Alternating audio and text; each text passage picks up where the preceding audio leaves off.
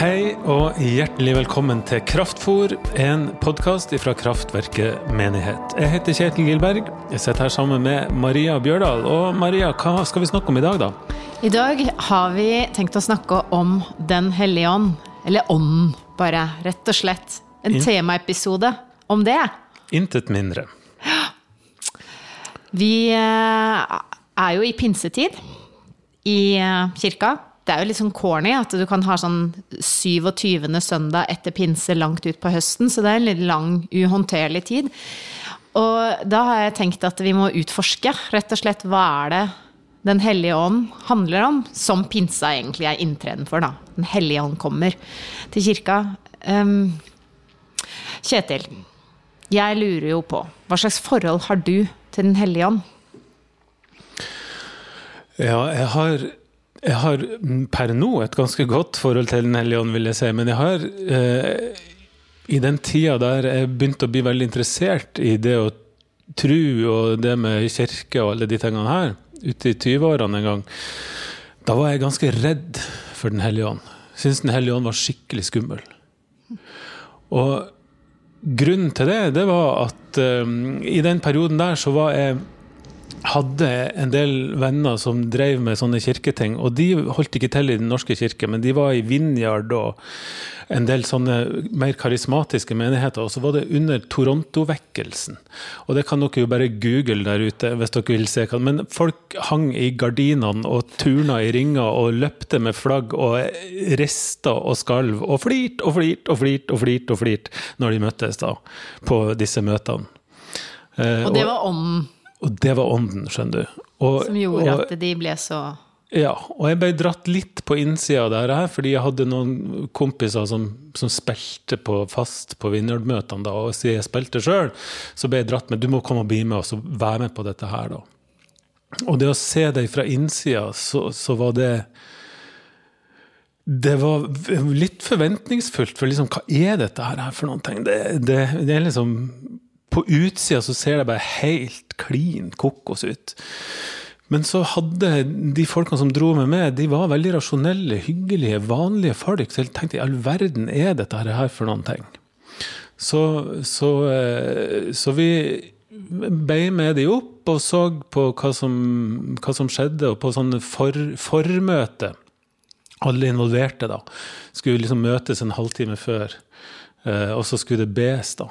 Og det var som å trykke på en bryter. Da ble de 20-25 stykkene i rommet der helt ja, det var ganske mange rare uttrykk som jeg lurte på i ja, verden hva det som skjedde nå. Og da kom eh, pastoren i Vinjard, Kjell Åsmundrød, bort til meg, for jeg var den fremmede her. Ja. Og han stiller seg på sida av meg og så sier han, du, og er helt vanlig, helt normal, og sier du, det her ser rart ut, jeg er klar over det. Men det du skal vite, det er at eh, det er ikke så viktig at det skjer sånn eller sånn eller sånn, men, men i livene til disse folkene her, så får Jesus veldig stor plass når dette skjer. Kan ikke helt forklare det, men, men sånn er det. Var det din erfaring også, at Jesus fikk stor plass i de Du gikk jo dit med noen rasjonelle Ja, for meg så var det var nok ikke jeg så, så Jeg reflekterte nok ikke så mye over det, fordi at uttrykket var så heftig, egentlig. Det var så Jeg vet ikke hva ordet jeg skal bruke, men det var veldig, veldig, veldig utagerende. sant? Så jeg var nok ganske fanga av den formen, eller fanga, så det jeg så, var den formen. Og jeg kjente igjen en del folk som drev og sprang rundt med flagg, svære flagg gjennom forsamlinga og sånt. Og tenkte at disse kjenner jo som, som ganske mm, Ikke spesielle, men det er folk som, som ikke er så redd for å miste hemningene. da, Si hva de vil, eller framstå som litt ukontrollert av og til. Og tenkte at ja, nå har de funnet et språk som er virkelig er sitt. Men, men det er ikke mitt språk. Jeg har ikke lyst til å miste kontrollen på den måten her. Sånn at, sånn at hvis jeg skal bli nødt til å holde på sånn for å bli berørt av Den hellige ånd, eller at Den hellige ånd skal fylle meg, da, så har jeg egentlig ikke noe lyst til å ha med Den hellige ånd å gjøre. For det der var så Formen var så fremmed da. Sånn, jeg liker å ha kontroll. Jeg er tilbakelent og rolig. Vil ikke holde på med det der. Og, og, i det miljøet så var det litt sånn ensbetydende med at nå er Den hellige ånd på ferde. Nå, nå, kommer Den hellige ånd. Og da plutselig lå folk på gulvet og, og rista og rista og rista og flirte. Og de flirte og flirte. Og så lo. Og jeg tenkte at det der, og det gjorde meg skeptisk. Det gjorde meg redd. Det gjorde meg sånn at jeg ikke hadde sånn lyst Jeg kunne gjerne møte Jesus og Gud, men Helligånden kunne egentlig bare holde seg unna, for det der greiene der var ikke jeg så keen på, da. Ja. Og sånn var det da du var relativt ung, da? Og hadde liksom litt sånn distanse både Kanskje hadde du distanse til kirka og troa også på den tida? Eller hvordan ja. henger dette sammen med noe som jeg har lurt veldig på, da, Kjetil? Fordi du har snakka om at du hadde noen sterke åndelige opplevelser. Eh, på den tida kraftverket ble til. Og så har du egentlig aldri fortalt meg, i hvert fall, hva de er, men du har referert til de, og jeg har egentlig tenkt at jeg har lyst til å nøste litt i dette, da. Og finne ut hva, hva er Hva skjedde da? Mm. Ja, det er jo i akkurat denne tida her, hvor jeg ikke har noe nært forhold til kirka. Har vært langt vekke fra kirka egentlig en god periode og begynt å liksom luske meg litt tilbake. Og, så, og det jeg holdt på med i den tida der, det var musikk. Det var liksom det, det som jeg brent for og syntes var viktig, det var musikalske prosjekter. Så var det en sånn greie vi skulle i gang med da, som jeg tenkte at dette, det skal jeg gi alt jeg har nå, i, et, i ja, den tida det tar, da. Mm. Uh, og det er det viktigste for meg akkurat nå. Det er dette det skal bli. Eller jeg skal bruke engasjementet og tida mi og pengene mine og kreftene mine på. Og så er det at uh, jeg står og bare forteller en kompis om det her engasjementet, og du ser det gløder på lang vei. Og så sier han her fyren at du, du vet ikke, det er noe du må velge bort her nå. Og jeg tenkte ja, jeg får rydde litt i alt det andre, da, men ikke dette. Og så går det litt seinere på dagen, så forteller en tilfeldigvis en gammel pastor om eh, at du Nå har jeg blitt utfordra fra en Du, ja, du må, jeg må bare si en ting først. Du, det er noe du skal velge bort. Og så drar jeg hjem til en kompis, han var i Vinjard akkurat den tida der, eh, bare å drikke kaffe på kvelden, liksom. Og så står jeg i døra, og så åpner han døra, og så sier han oi, jeg får en innskytelse her. Vi har ikke sagt hei engang. Og det at du skal velge bort et eller annet. Tre ganger på en dag? Yes. Og dagen etter en fyr jeg aldri har møtt før, som sier uh, at du, når jeg ser det, så er det et eller annet som skjer her. du, du, skal velge bort et eller annet. Og dette skjer to ganger, tre ganger til, jeg husker ikke tallet. Men det kommer fra helt ulikt hold. Og så begynner jeg å bli veldig urolig. da, Hva er dette for noe? Fordi at det var, De to-tre første gangene så var det litt sånn Ja, ja, dette var jo rart, men men jeg opplevde det ikke som en åndelig opplevelse. Men når det bare fortsetter og fortsetter, og fortsetter, så så begynte å bli urolig. Og helt Jeg orker ikke å forklare grunnene til det, men dagen, noen par dager etterpå der, så befant jeg meg i Trondheim. Og var forplikta til å gå i Trondheim frikirke. Satt med nett på en gudstjeneste, Thomasmesse, der folk drev og, og tente lys og sang lovsang og litt sånn forskjellig. Og så satte jeg meg nest bakerst, uh, sånn at jeg kunne snike meg ut og røyke av og til, for jeg drev med det i den tida der. Uh, og på bakerste benk så satt det to damer som er på min alder nå, da. Jeg, de, men i 40-årene. Jeg er litt eldre enn 40 nå. Men se et par damer i 40, ei dame i 40-årene. Og så går denne gudstjenesten sin gang. Eh, ser på klokka og vil bare komme derifra, og så er det nattvær. Og så går jeg fram og tar imot nattværet. Jeg er såpass på innsida at det skal jeg ha. Og så går jeg og setter meg igjen. Og så, når jeg da har satt meg, så får jeg arm på skuldra. Han på skuldra. Så snur jeg meg, og så er det denne dama da, på, i 40-årene som sier du, du skal fram, du. Og så skal du bli bedt for. Og så sier jeg det kan du bare drite i, det, det skjer ikke. Jeg skal ikke bli bedt for det på det opplegget her, det, det er ikke snakk om. Og så begynner hun å grine, da. Og så sier hun at jo, du må. Jeg har tenkt det, siden du kom inn her, så skulle du bli bedt for. Og nå har jeg manna meg opp og tort å si ifra til det, så nå går du.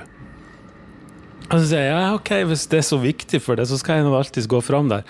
Og da har det vært som forbønn, masse sånne stasjoner da, rundt i hele menigheten, og, og, og eh, nattverden er i ferd med å bli avslutta, så det er ingen som blir bedt for. Og det er ikke noe opplegg for å bli bedt for akkurat da. Men jeg tenker jeg får bare gå fram her, da. Så, så sitter to gamle menn på fremste benk som har gjort noe som jeg syns var fint. De hadde lest fra ei bønnekrukke eh, tidligere på gudstjenesten. Og så tenker jeg, de to gamlingene der, de, de er vel de eneste jeg har noe godt forhold til her inne akkurat nå. Så jeg spør de, da. Eller jeg spør han ene, da. Mm. Du, det er ei dame som har fått for seg at jeg skal bli bedt for her, så du må bare begynne å be, du, sier jeg til han. Og han tar tak i kompisen som sitter på sida, og så går vi fram da, til alteret, som hadde vært en sånn post. Så Vi sitter til full eh, Altså alle Alle kan se deg? Ja. Og, og, presten har sagt at uh, nå har vi fått uh, ja, Nå er nattverden over, så vi skal som videre. Så nå sitter alle og bare venter på meg.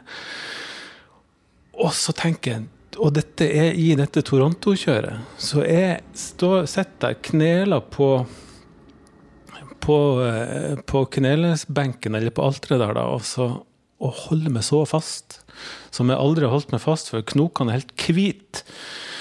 For tenk hvis Den hellige ånd kommer og smeller meg i bakken, og jeg ligger der og rister og flirer som en annen idiot nå. Det er ikke jeg klar for. Eh, så jeg var bare ikke klar for Den hellige ånd skulle komme, sånn som jeg kjente til at Den hellige ånd kom. Og så legger disse to gamle mannfolkene handa på meg, på skuldra, og så begynner han ene å be, og så ber han et eller annet som jeg ikke husker noen ting av.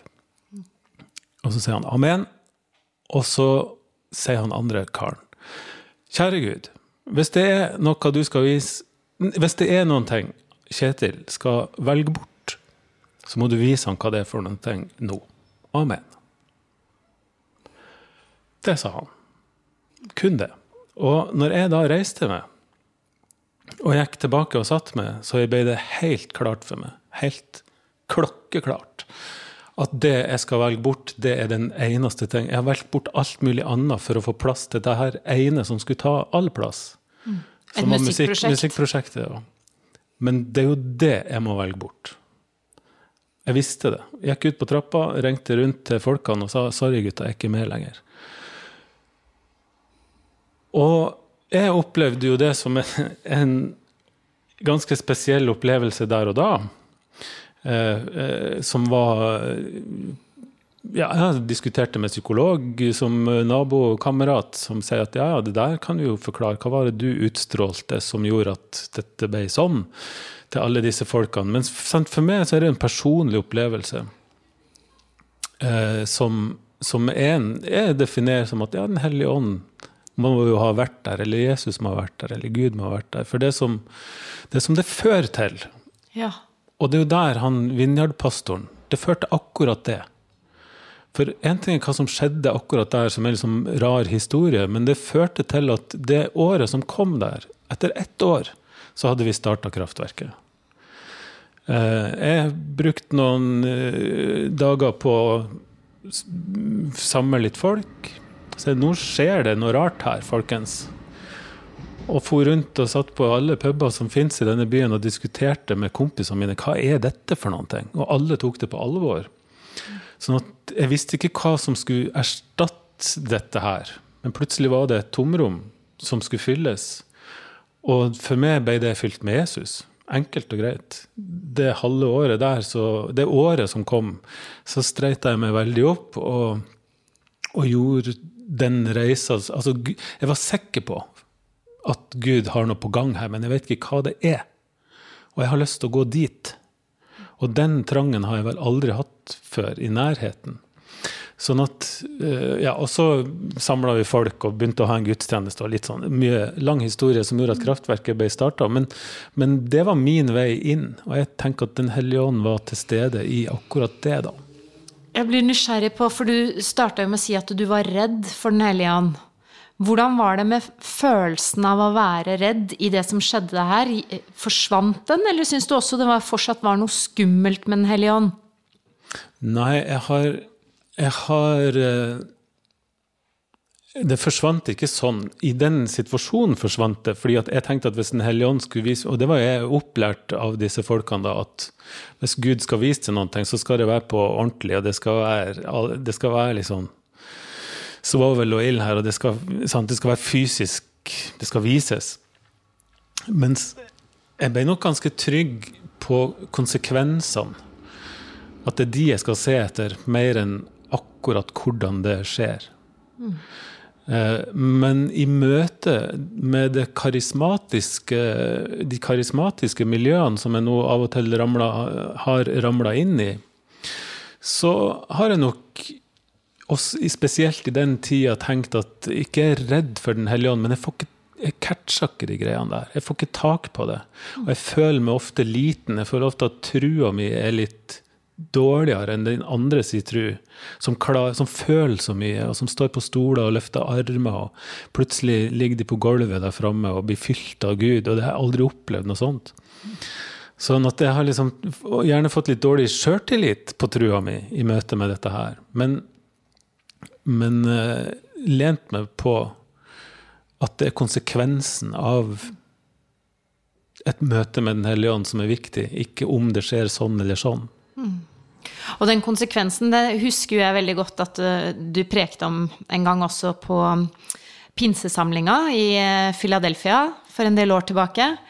Da handla prekenen din sånn som jeg husker den, da. At det er ikke et spørsmål om hvordan eller hva som skjer når ånden kommer, men hvem. Mm. Og så var på en måte svaret Jesus. Um, vil du si at det er liksom kjernebudskapet ditt i forhold til hva Den hellige ånd driver med? Ja, jeg tror Den hellige ånd driver med mye rart. Men kjernebudskap, ja. Hvis du tar og går inn i Bibelen og ser hva var det som skjedde på pinsedag, så kommer det vind og ild og tunga ild og setter seg på disse disiplene, og så går de ut i byen, og så Og så får de et masse språk som gjør at folk blir nysgjerrige, og de skjønner, de får hørt evangeliet på sitt eget språk. Og så spør de hva er dette for noe. Er de full? De, sant? Det må ha sett ganske rart ut. Og så er det at Peter tar til orde, og så sier han at det er ikke så interessant hva som skjer, og hvordan det skjer. Det som er interessant, er hvem er dette? Jo, det er Jesus, som døde, men som sto opp igjen, og som er levende midt iblant oss. Det er det dere må forstå.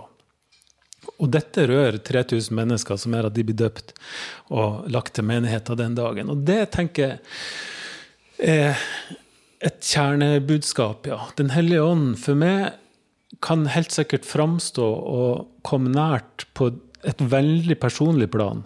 Det er jo det vi snakker om nå, mine personlige opplevelser av det. Vi må snakke senere om det som på en måte ikke, ikke går på det helt personlige, men som går på det, det kollektive. Men men, eh, men det der i Philadelphia Jeg bare tenk det, da. Er gamle, slitne, tilbakelente lutheraneren blir bedt eh, invitert til Philadelphia, til pinsehøyborgen, for å preike på pinsedag. Ja. Det er jo raust gjort av de da, vil jeg si. Men jeg hadde en, en, en opplevelse i den tida der òg, hvor Liberit, kona mi, var i Kamerun. Og og eh, på filmoppdrag, og jobba jo med film. Mm. Og så går hun på gata i Kamerun, og så blir hun meid ned av en motorsykkel. Mm. Havna i asfalten så det synger, altså. Og hun drar til sykehuset og blir bare ignorert eh, av uvisse årsaker, jeg vet ikke hva, men hun har i hvert fall fryktelige skader. Og så skyper skypa vi da hjem. Hun skypa hjem. Og så ser vi hvor skada hun er. Og hun skal ligge alene på et hotellrom den natta. For i sykehuset bare sendte hun rett av gårde. Og så begynner vi å snakke. Vi spør hvordan skjedde dette her? Hvorfor skjedde dette her? Hva gjør vi nå? Og så kom vi plutselig på at det er ett spørsmål vi har glemt å spørre, og det er hvem? Hvem kan vi gå til? Og det å da kunne gå til, ta opp telefonen og ringe rundt til venner i kraftverket og si du, nå trenger vi at det bes her, for nå er vi redd. Eh, vi er redd for det vi ser, og vi er redd for de skadene, indre skadene som en gjerne ikke oppdager i Kamerun i sånne situasjoner, og ble ordentlig engstelig. Og fant ut at vi kan ikke bare gå til folk i menigheten, men vi kan gå til Jesus direkte. Så når, at, når eh, kvelden kom, så ba jeg kveldsbønn med Mika. Han måtte ha vært fem eller seks år, eller noe sånt, og han var ganske for seg på den tida der. Han spurte ikke om lov, men akkurat å be til Jesus, det syntes han var litt dristig. Så der er det jeg som og det, den tida var det jeg som måtte si ordene. Mm. Men han sa gjerne hva jeg skulle be, da. Ja. Så han, vi lå i senga der, og så lener han hodet sitt inntil meg, og så sier han du, nå må du si til Jesus at den kulen som mamma har i hodet, og foran øyet sitt, den skal bli borte. Og den skal bli borte på ett minutt. Og så ba jeg akkurat det, da. Kjære Jesus, må den nære kulen bli borte på ett minutt. Som om det var mine egne ord. Og da slo det meg at, at uh, Du kan ikke be kveldsbønn til et gudsbilde. Mm. Du kan ikke be kveldsbønn til en idé, du kan ikke gjøre det til en god idé, du kan ikke be kveldsbønn til en historisk person, som Jesus ofte blir framstilt som alt dette her, men du må be til en Jesus som lever.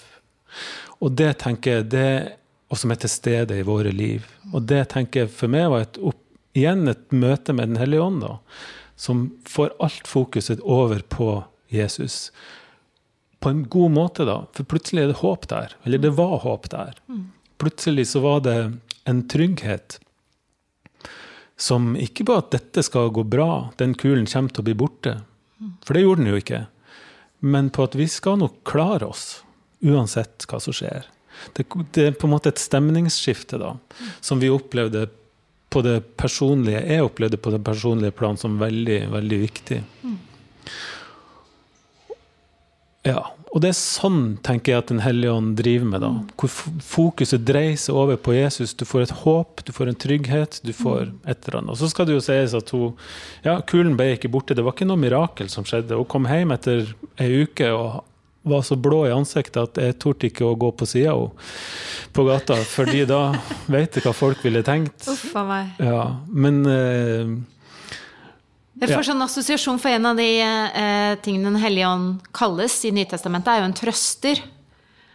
Ja, det, det beskriver du veldig, at det kom en trøst, en håp, noe som letter ja. det tunge der. Og så eh, tenker jeg nå eh, Det er så fint å høre om disse personlige opplevelsene dine, fordi jeg tror det er jo nettopp slik det er med ånden, at den, den kommer til hver enkelt.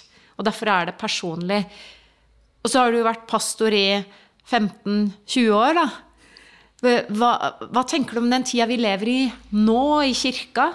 Altså, hva, hvordan ser Den hellige ånd ut i kraftverk eller rundt oss? Du kan velge litt selv hvor du vil ta for deg. Ja, jeg tenker jo at Den hellige ånd er veldig personlig med oss, samtidig som Den hellige ånd er kollektiv. Du har personlige møter, og i tida vi lever nå, kan ikke lese så godt. Men, men, eh, det er klart det legges jo opp i kirke, det kirkelige til personlige møter med Jesus. Eh, men det er mer og mer opptatt Og jeg, jeg har jeg tror jo jeg får det sjøl av og til. Jeg kunne jo ikke vært her i 15-20 år uten Den hellige ånd. Da hadde jeg jo ikke hatt nubbsjans.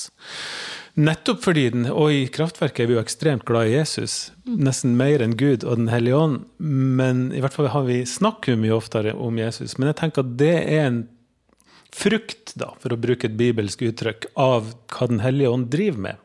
Mm. Så jeg tenker nok at Den hellige ånd er, er til stede hver gang vi møtes i kraftverket.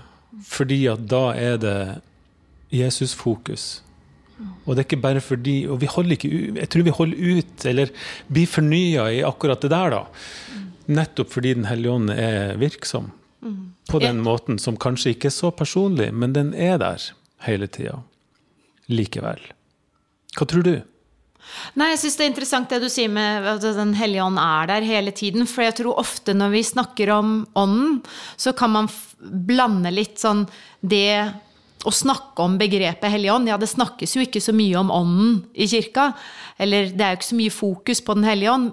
Men den er der hele tiden. Og så er det noen sånne bølger der man blir veldig opptatt av å snakke om den, og kanskje at den manifesterer seg eller viser seg da, på måter som eh, eh, er litt utenom det vanlige. Som skiller seg litt ut. Og det du har beskrevet eh, fra da du var mye yngre, da, med Toronto-bevegelsen, som var en sånn karismatisk latterbevegelse, egentlig. Det er andre som kan beskrive den bedre enn meg, men veldig voldsomme uh, utslag da, mange steder i verden, er jo én måte. Men jeg tenker jo også at man har noe av det samme i litt sånn uh, den uh, mer meditasjon og stillhet, lytte. Veldig mye av det som har drevet min bevegelse, f.eks. starte Stille gudstjeneste i Kraftverket, er jo nettopp å skape sånne tomrom der kanskje ånden kan oppleves som et stille sus, eller noe man opplever er nær, uten at det er så voldsomme lydeffekter rundt. da. Um, og de, de, to bevegelsene syns jeg, hvis man ser på kirkelandskapet i vår tid, foregår veldig samtidig. At du har både en sånn karismatisk pinsebevegelse som kanskje har eh, mye volum, på en måte. Og så har man en der man skrur volumet helt ned, og bevegelsene helt ned, og blir stille og beveger seg mindre. Men at mm. ånden er til stede og, og påvirker i begge deler, da. Ja. Jeg har lyst til å snakke om Eller før vi går dit, må jeg bare presisere at, ja. at eh, når jeg forteller disse historiene, så er det jo Så vil jo jeg si at sannheten her, den vil jo kun, lett kunne plukkes fra hverandre som sagt, min psykologkompis som sier dette er bare tull. Min ateistiske psykologkompis som sier dette er helt tull. Sånn at, men jeg tror det er noe med sånne opplevelser, de er veldig personlige. Eh, um, og hvordan jeg ser på det, er helt greit om andre ser på det helt annerledes. Men sant, for mitt trosliv så har disse historiene vært viktige. Men det vi må snakke om nå, Maria, det er jo hvordan blir Den hellige ånd beskrevet i Bibelen, og gå litt ut vekk fra det her personlige. Hvordan er det mm. kollektive? Hvordan er Den hellige ånd som ja, Hvordan er den i hele på en måte vårt felles uh, materiale, da? Altså ja. Bibelen, som vi alle uh, venner oss til for å finne ut hvem er Gud. Og en av de tingene som på en måte jeg stadig vender tilbake til, er jo at det helt fra skapelsen så er ånden til stede. I begynnelsen så skapte Gud himmelen og jorden, og ånden svevde over vannet. Og jeg tenker at det, det der svevet, at eh, ånden er med helt fra begynnelsen, og at vi finner ånden igjen når Jesus vil at vi skal døpe i Faderens, Sønnens og Den hellige ånds navn, og at det, ja, Den hellige ånd fremtrer på veldig mange forskjellige måter gjennom Bibelen. Da, og kalles litt forskjellige ting. Men for meg så har kanskje det mest spennende eh, man kaller den ånden i Bibelen vært det som er mer, sånn mer naturfenomener i de siste årene. Altså, Hva tenkte du på da? Nei, Da tenker jeg på uh, at ånden beskrives f.eks. som vind. Eller pust. Sant? Vi har jo åndedrett. Altså at ånden er så nær oss som vår egen pust. Så den er i oss. Og når Jesus møter disiplene etter oppstandelsen i Johannes sitt evangelium, så sier, puster han på dem, og så sier han 'ta imot Den hellige ånd'. Og det er jo liksom det samme pustet som Gud gjør i skapelsen. ikke sant? Det henger så tett sammen. Så det, det er på en måte, Noen ganger føler jeg at vi kan tenke på Den hellige ånd som en sånn ekstremsportsutøvelseavdeling av det å være kristen. Men den er helt nær i skaperverket, i det naturlige. Så det med vind og pust, sånn forfriskende, naturlig nær, syns jeg er en sånn beskrivelse som går igjen på mange måter, som er veldig fin, da. Og egentlig tenkte Ja, hva skulle ja, men, du si? Nei, pust det, også, det kommer jo som en storm ja. ånden. F.eks. på pinsedag. Ja, ja, ja. Veldig stor. Men det det er åndedrett igjen, da. Ja, det er jo det. Og det er også interessant at du sier det, fordi du vet den derre profetfortellingen fra Gammeltestamentet som mange er veldig glad i. At han, profeten stilte seg i huleåpningen og ville at Gud skulle vise seg foran, og så liksom venta han at den skulle være i kraftig vind og sånn naturfenomener, men så kommer han som et stille sus. Og jeg har hørt veldig mange sånn kontemplative meditasjonskristne være så glad i den beskrivelsen. Men, men, jeg tenker at grunnen til at det faktisk var det suset som kom til slutt, er jo at det er også noen ganger et kraftig vindkast. Det er noe litt stormfullt. Og det syns jeg er gøy, da, når Bibelen holder på med disse naturfenomenbeskrivelsene av ånden, er at det, det, det kan være veldig mye forskjellig. Eller kan arte seg forskjellig. Ja. Så det er én ting jeg tenker på, uh, som jeg syns er veldig stilig når Bibelen beskriver uh, Den hellige ånd som vind og pust. Et annet som jeg uh, er glad i, er jo flammene. Da tenker jeg jo bare rent konkret på bildet av Sånn søndagsskolebilde av disiplene på pinsedagen som får disse flammetungene opp på hodet. Så hvorfor, hvorfor fikk de det? Hva tenker du om det? Hvorfor er flammer et godt bilde på at ånden er kommet? Hva tenker du, Kjetil? Har du noe Nei, det tenker jeg ikke så innmari mye om hvorfor de fikk flamme på hodet. Det er så far out. Altså, nei, det der Toronto-greia blir jo peanuts ja, sitt forhold. Ja. Sånn at Men samt, det er mye kraft i flamme. Mye energi. Mm. Du kan brenne det på det, du kan hente varme. Det er, det er veldig kraftfullt bilde, da. Mm. I hvert fall. Ja, det er jo både varme og lys. Mm. Og ja, det er jo som du sier, det der Det gjør jo Toronto og alt mulig vi opplever, litt til peanuts, at det står reelle flammehoder på toppen av hodene til mennesker. Det er merkelig. Men det jeg faktisk er mest glad i for tiden, det er vann. Ja. Det er vann. At ånden er til stede i og beskrives uh, som vann. Den er til stede i vannet vi døper barna i. Uh, og Jesus snakker også om at uh, ånden er som levende vann som renner gjennom oss og skaper liv. Uh, og det jeg syns også er så stilig med det vannbildet, er at vannet kan alltid gå til det laveste punktet. der finner du vann. Det, det går inn der det er tørt og hardt og gir næring. Jeg har løpt en del i skogen og syns alltid det er gøy liksom, å følge liksom, hvor må jeg trå nå, neste steg, for å ikke bli blaut på beina. Men da får du også en sånn følelse av at der nede, der ligger vannet, det er lengst nede. Det har jeg tenkt på mange ganger når jeg har det tøft selv. Da.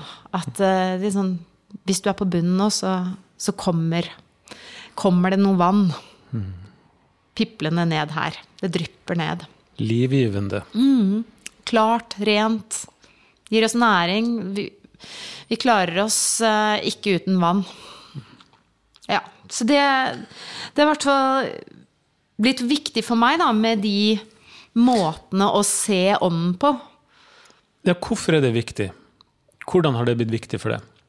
Jeg tror det er litt fordi jeg lenge var hekta på min egen personlige opplevelse av ånden, men også andres fortellinger. At uh, jeg eh, skulle ønske at jeg fikk tungetale, som var en veldig sånn konkret måte Den hellige ånd viste seg på. Jeg skulle ønske jeg fikk litt sånn grep på hva ånden var. Og så er det liksom som man griper det én gang, men så glipper det. Så kommer det nye faser i livet, i hvert fall i mitt liv, der det gamle ikke helt gir mening. Og det jeg syns er fint med at um, Den hellige ånd beskrives både som ild og vann og flammer, er på en måte at det er noe som tåler tidens tann. Både i et menneskeliv, men også i hele kirkas historie. Da. Mm. Det gir meg veldig mye håp. Hvis det blir for hardt med kraftige flammer, så kan du bare helle på litt vann, og så slokke de flammene. Altså det, er, det er noe med sånn ja. Jeg syns det er veldig fint da, at ånden framtrer på alle de forskjellige måtene. Sier noe om at ånden er for absolutt alle. Ja. Og overalt. Og overalt. Ikke Til minst. alle tider. Mm. Og det syns jeg er viktig med Den hellige ånd. Det er jo egentlig helt viktig med alt siden Jesus. At nå er det Nå er, nå er Gud for alle, nær hos alle. Alle steder, alle tider.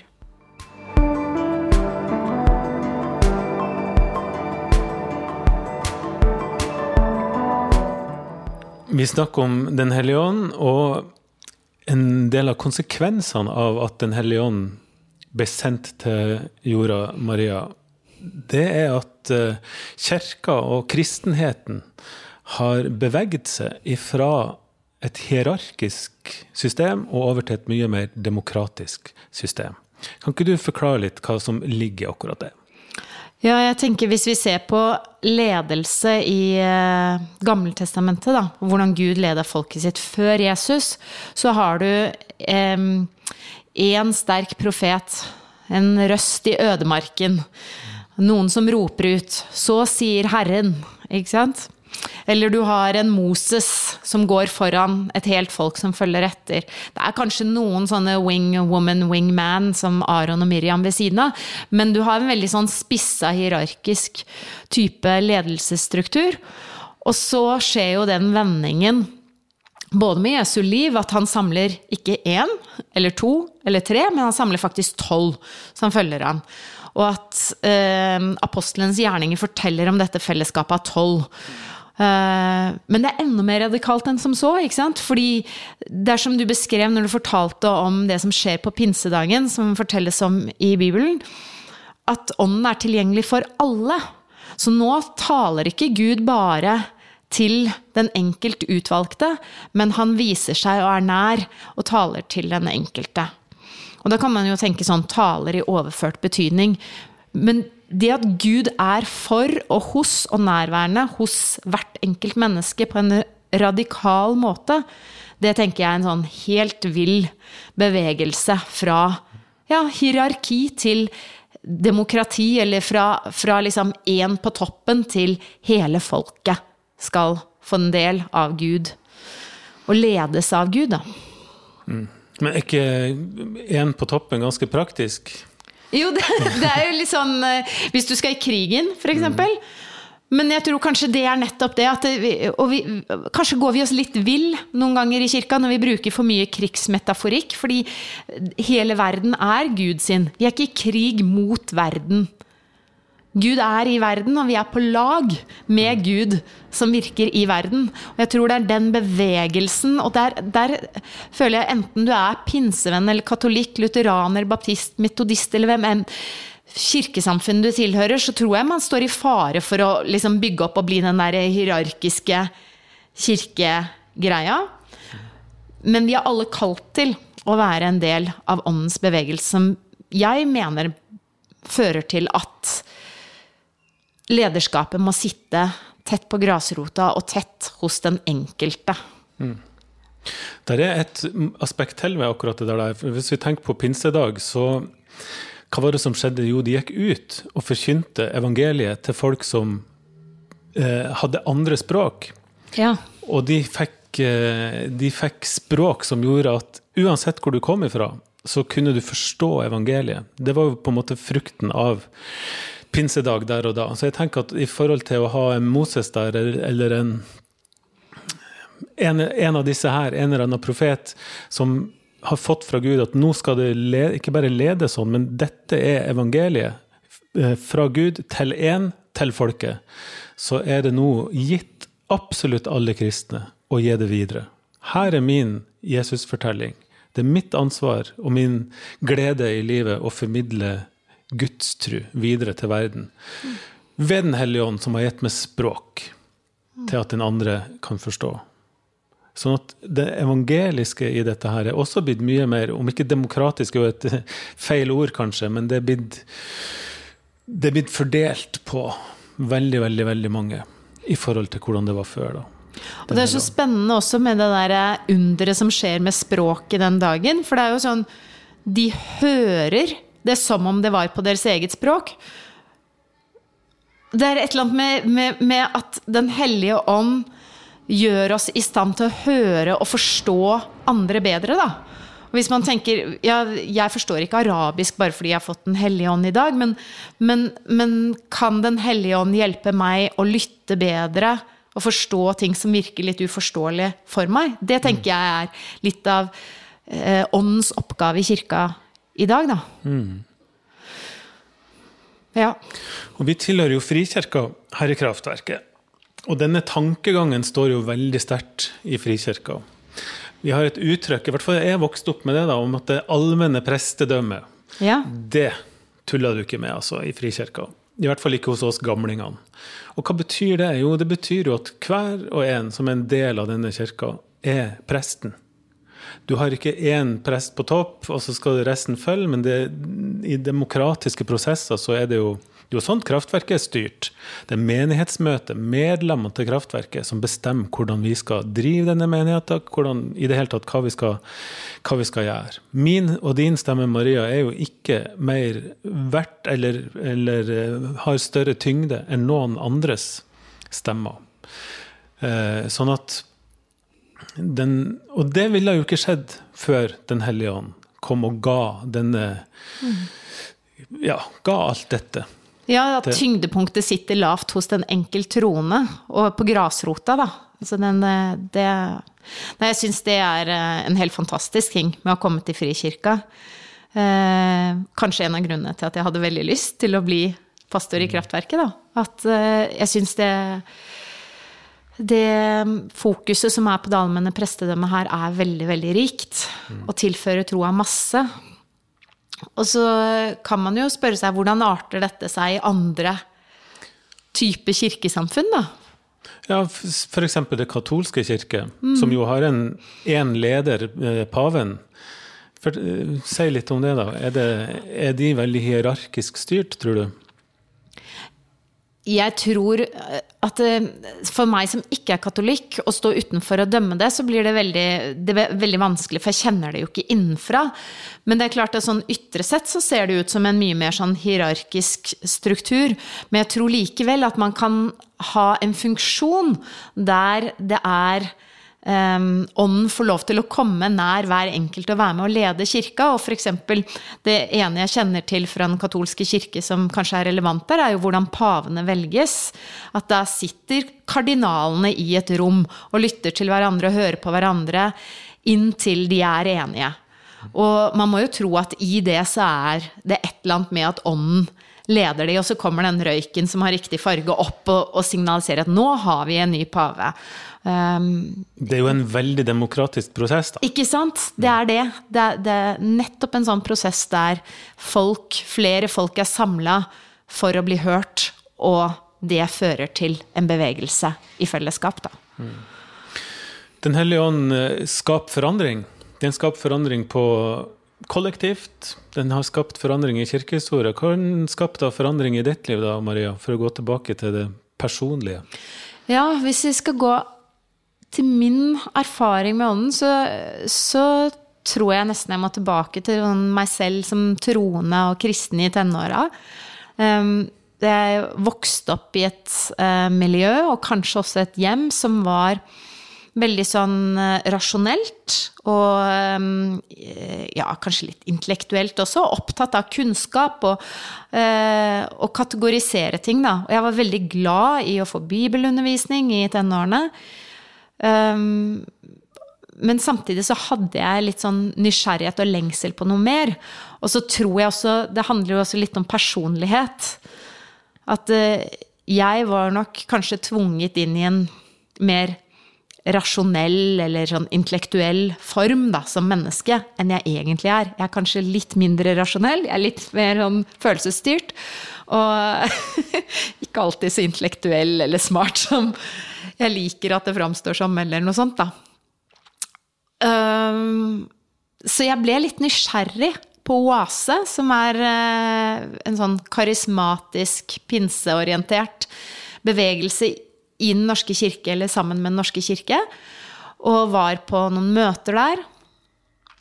Uh, og sto litt sånn på bakerste benk, spesielt når det var sånne voldsomme latterbevegelser som uh, du også har beskrevet. Jeg har, har, ikke vært i et rom med 25. Så jeg lurer veldig på hvordan jeg hadde håndtert det. Men jeg har vært i rom med mange hundre der det har foregått. Og jeg kunne ha veldig stor distanse til det. Men så uh, var det kanskje på slutten av tenårene eller begynnelsen av 20-årene, en sånn fase der jeg var veldig lei av at det var veldig mange rundt meg som hadde sterke opplevelser av at Gud var nær. Jeg hadde bedt mange ganger om å få tungetale, f.eks., som mange kjente hadde. Uh, fikk det ikke, og jeg var ikke noe sånn bitter på Gud og tenkte Gud finnes ikke. eller noe sånt. Jeg bare tenkte nei, det, noen får det, og noen får det ikke. Det er ikke så farlig. Men jeg var så innmari fornuftig og rasjonell i alle disse tingene. da. Og så samtidig så ønska jeg veldig at Gud skulle vise seg uh, for meg på en måte som gjorde at jeg kunne være sikker på at han finnes, og at det er verdt å vie livet mitt da, til å være en som følger Jesus. Og på et sånt oasemøte der det var liksom fullt volum på lavsangsmusikken, så var det et sånt bønnested bakerst i rommet. Og jeg gikk bak dit og var skikkelig sånn rastløs og irritert i kroppen. Og det var en av de gangene jeg var sånn utrolig glad for at det var så høyt volum og press fra scenen. Fordi da kunne jeg rope ut de tingene jeg egentlig følte og kjente overfor Gud som ikke var så veldig passende. Det var mye ukvemsord mm. og ras, raseri da, i meg. Um, og jeg husker ikke akkurat det, hva jeg sa, men jeg husker at jeg var veldig glad for at ingen kunne høre meg. Og når jeg hadde bare hylt ut det der raseriet som jeg kjente i meg over at jeg ikke opplevde Gud noe sterkt eller nær, så la det seg bare en helt utrolig sånn berusende fred i kroppen. Det er liksom en av de sterkere opplevelsene jeg har, og jeg vender tilbake til at der og da er jeg helt sikker på at Gud finnes, og at han bryr seg og kom nær meg i min fortvilelse og desperasjon.